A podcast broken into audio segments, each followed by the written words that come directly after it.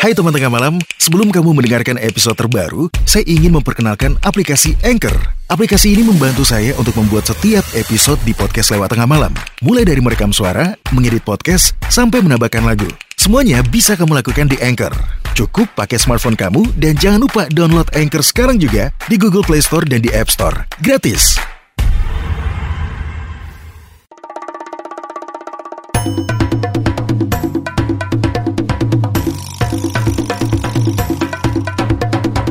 Kini Podcast Network.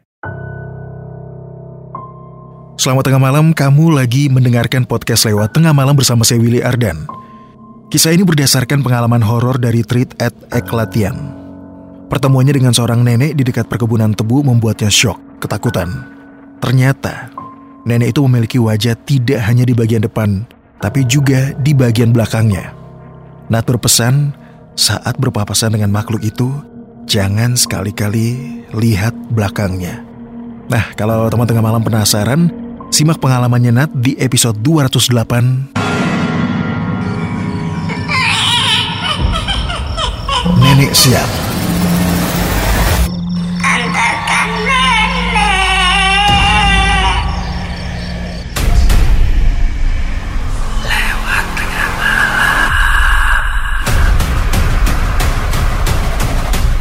Hai, panggil aku Nat. Apa yang aku ceritakan di sini murni berdasarkan apa yang aku alami. Masalah percaya atau enggak, balik lagi ke kalian. Dan pengalaman aku bertemu dengan sosok nenek bermuka dua. Yang aku maksud di sini bukan nenek yang baik di depan terus jahat di belakang. Sama sekali bukan. Tapi penampilannya benar-benar memiliki wajah di bagian depan dan di bagian belakang. Jadi gini, kejadian ini aku alamin sekitar tahun 2013. Saat itu aku masih SMP kelas 3. Dulu itu aku ikut ekskul badminton dan sudah dipastikan pulangnya pasti telat. Balik sekolah sekitar jam 2, ekskul 2 jam, dan kelarnya jam 4 sore. Ya selebihnya kadang aku suka kelayapan. Maklum namanya juga cowok. Apalagi dulu aku bandel-bandelnya. Tapi bukan kelayapan negatif sih, cuma sekedar kumpul-kumpul bareng sama teman sambil gitaran. Nah waktu itu kelar main sekitar jam 5 sore, aku pulang naik angkot. Karena jarak dari rumah temen ke rumahku nggak terlalu jauh. Akhirnya jam 6 sore aku nyampe di pemberhentian menuju rumah. Nah dari turun angkot buat nyampe ke rumah aku itu harus masuk jalan lagi. Masuk ngelewatin gang dan juga perkebunan tebu. Tahu sendiri kan, pohon tebu itu tinggi-tinggi, jadi bentukan jalannya tuh ya semacam jalan setapak yang benar-benar kecil, terus di kiri kanannya itu pohon tebu semua. Nah kalau lagi maghrib gini biasanya super sepi. Ya jarang juga sih kalau udah lewat dari jam 6 sore melihat orang yang melewati jalan setapak ini. Posisinya saat itu aku benar-benar sendiri buat melewati jalan setapak itu yang kanan kirinya banyak pohon tebu.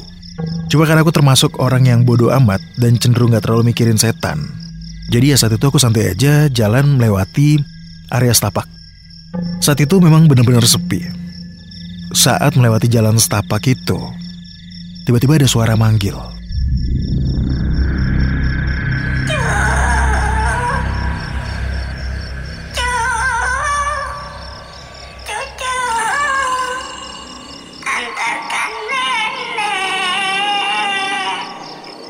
Tapi samar-samar, pelan banget, nyaris nggak kedengeran. Ya lebih mirip seperti orang berbisik gitu deh daripada manggil. Nah, aku tuh orangnya nggak pedulian, jadi aku tetap jalan terus. Tapi makin ke sini, suara yang manggil itu makin kenceng. Ya, otomatis aku jadi risih dan berhenti saat itu buat nyari sumber suara itu.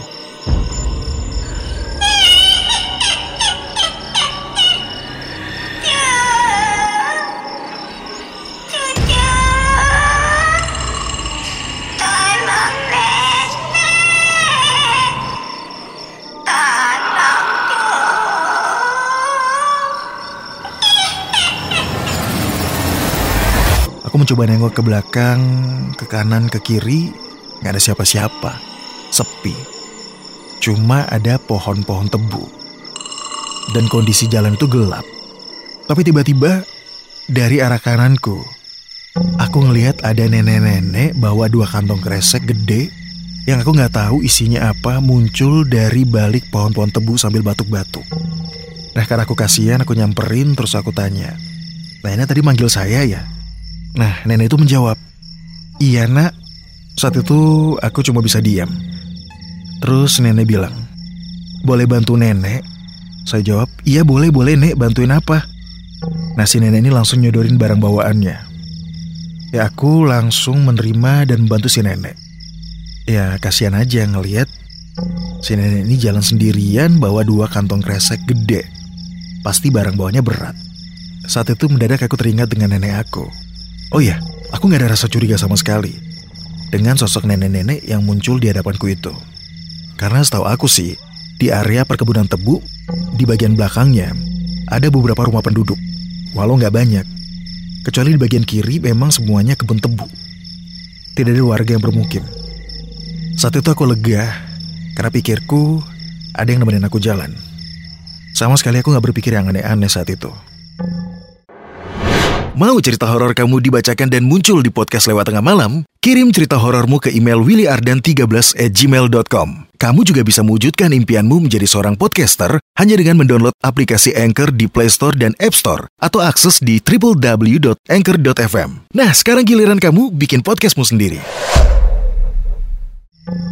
Nah, si nenek ini jalan duluan di depanku. Sedangkan aku ngikut dari belakangnya. Pelan banget jalannya. Tapi aku tetap sabar ngikutin dia. Ya pikirku, mumpung ada yang nemenin, jadi nggak sendirian banget. Nah penampilan si nenek ini, dia menggunakan kerudung yang menutupi sebagian wajahnya, mukanya pucat, dan di sini puncak kanen yang aku rasakan saat aku mengikuti dia dari belakang. Pandanganku otomatis ke belakang kepalanya. Terus samar-samar, aku ngeliat sesuatu yang bergerak di bagian belakang kerudungnya. Aneh. Semacam kayak bibir orang lagi ngomong. Tapi yang bikin aneh, itu ada di bagian belakang kepalanya. Yang tertutup kerudung. Cuma saat itu aku cuek.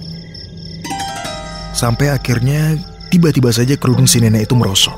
Dan dari situ aku bisa melihat dengan jelas di antara rambut si nenek itu, di bagian belakangnya, ada mata, hidung, dan sesuai apa yang aku duga sebelumnya, ada bibir. Intinya benar-benar ngebentuk muka. Cuma kayak semacam astrak, karena terhalang sama helaian rambut putihnya nenek itu. Melihat keanehan itu, aku langsung otomatis kabur. Bukan lari ngelewatin si nenek terus menuju ke rumah, tapi aku lebih memilih mutar balik ke arah gang awal saat aku berhenti dari angkot. Aku lari sekencang-kencangnya meninggalkan si nenek tua itu. Sampai di ujung gang, aku masih dalam kondisi ngos-ngosan dan saat itu ketemu sama Mamang yang nongkrong di pos ronda depan gang.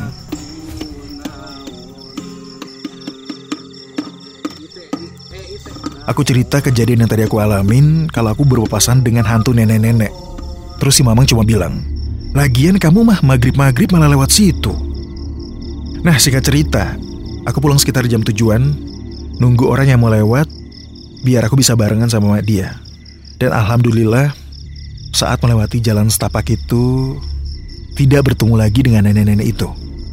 Intinya sih kata orang-orang di situ, emang di area perkebunan tebu itu, kalau maghrib suka ada yang ngusil.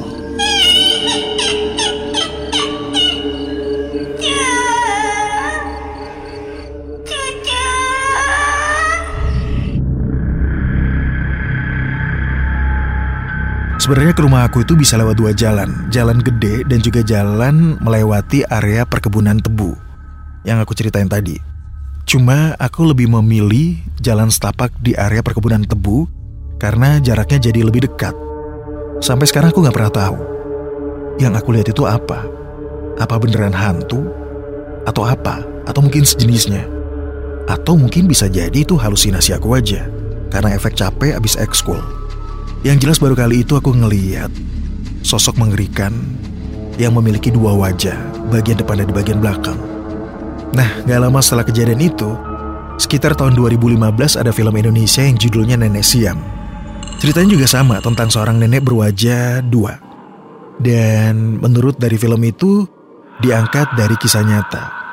Otomatis setelah baca sinopsis film itu, aku ngerasa dejavu. Apa mungkin kisahnya sama dengan yang aku alamin?